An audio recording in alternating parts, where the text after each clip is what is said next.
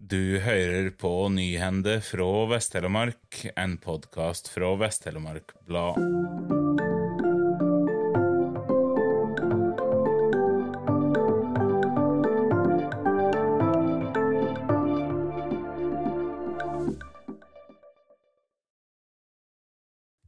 Rikke Raknes er delvis sjukmeldt fra jobben som rådmann i Seljord, og har dessuten søkt jobb i en annen kommune. I torsdagens kommunestyremøte, det siste fire valet, ble det vedtatt å ønske rådmannen hjertelig velkommen tilbake etter sjukmeldinga.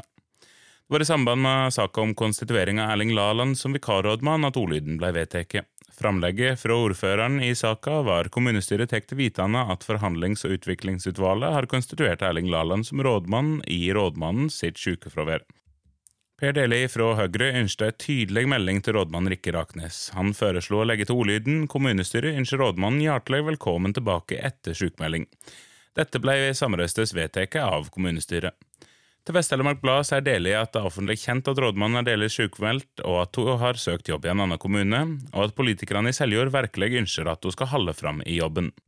Det er en tydelig beskjed som var grei å sende til rådmannen, forklarer Deli om bakgrunnen for tilleggsframlegget.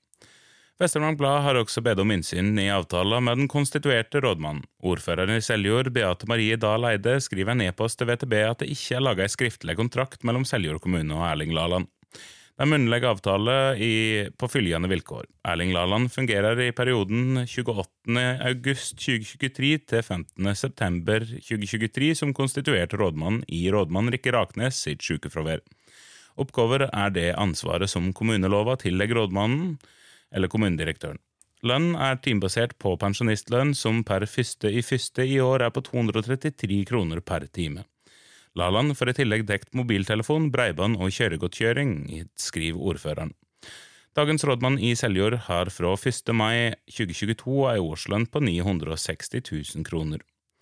Forhandlinger fra i år er ikke gjort ennå, en forhandler på høsten. Når det er gjort, blir det regulering som vanligvis er tilbakeverkende fra 1. mai, skriver ordføreren til VTB. Mot de seks røstene til Nissedal Senterparti har kommunestyret vedtatt detaljreguleringsplanen for området ved Jettegrytene sør i kommunen. Planen fører mellom annet til vern av tømmerrenna. Som i formannskapet ba Senterpartiet kommunestyret om at saka om reguleringsplanen ble utsatt til det kommer løsning i en pågående jordskiftesak som omhandler tilkomstvegen til Gjettegrytene. Forslaget ble avvist med ni mot åtte røster. Avtroppende ordfører Halvor Homme fra Arbeiderpartiet minner om at reguleringsplanen inneholder hva som er mulig å gjennomføre. Kommer det i framtida saker om å gjennomføre noe som er nevnt i planen, må det gjennom politiske prosesser der det blir fatta vedtak. Arbeiderpartiets Kristin Parkinson Vågen varsla at partiet hennes og Høyre ville gå for en reguleringsplan som annet sikrer både vern av tømmerrenna nedenfor gjetegrytene og allmenta sin tilgang til området. Senterpartiet var annet imot at ordet ekspropriering var med i planen. Et slikt tvangsgrep mot grunneiere føler jeg ikke vi skal ha som en mulighet i planen, sa Ian Parry Jones. Partifelle Tjodvor Margrethe Haugen var også uroa for kostnadene et vern av tømmerrenna fører med seg. Det høres flott ut at vi skal redde kulturminnet, og vi skal bevare det gjennom bruk. Fakta er dessverre at hele tømmerremmet må bli riven og kasta som spesialavfall. Det blir ikke billig.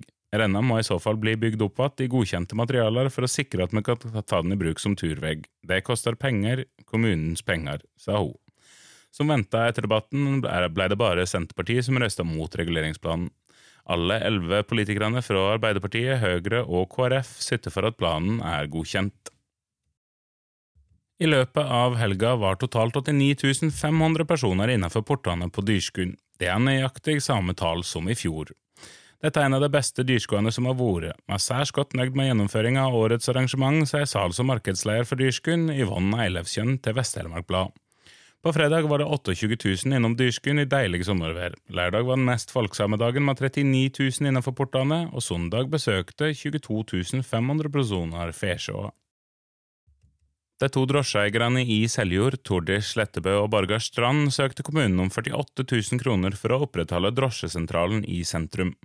Fra saka til formannskapet kommer det fram at drosjene sliter med oppdrag og har måttet redusere tallet på drosjer og publikumsservicen i Seljord.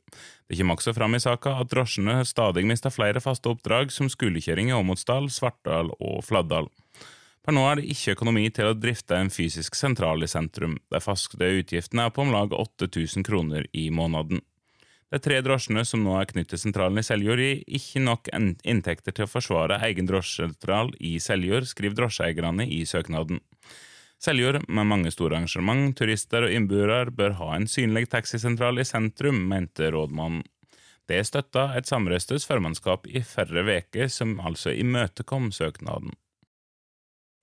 Dag Birger Lie eier et småbruk på vestsida av Fyresvatn.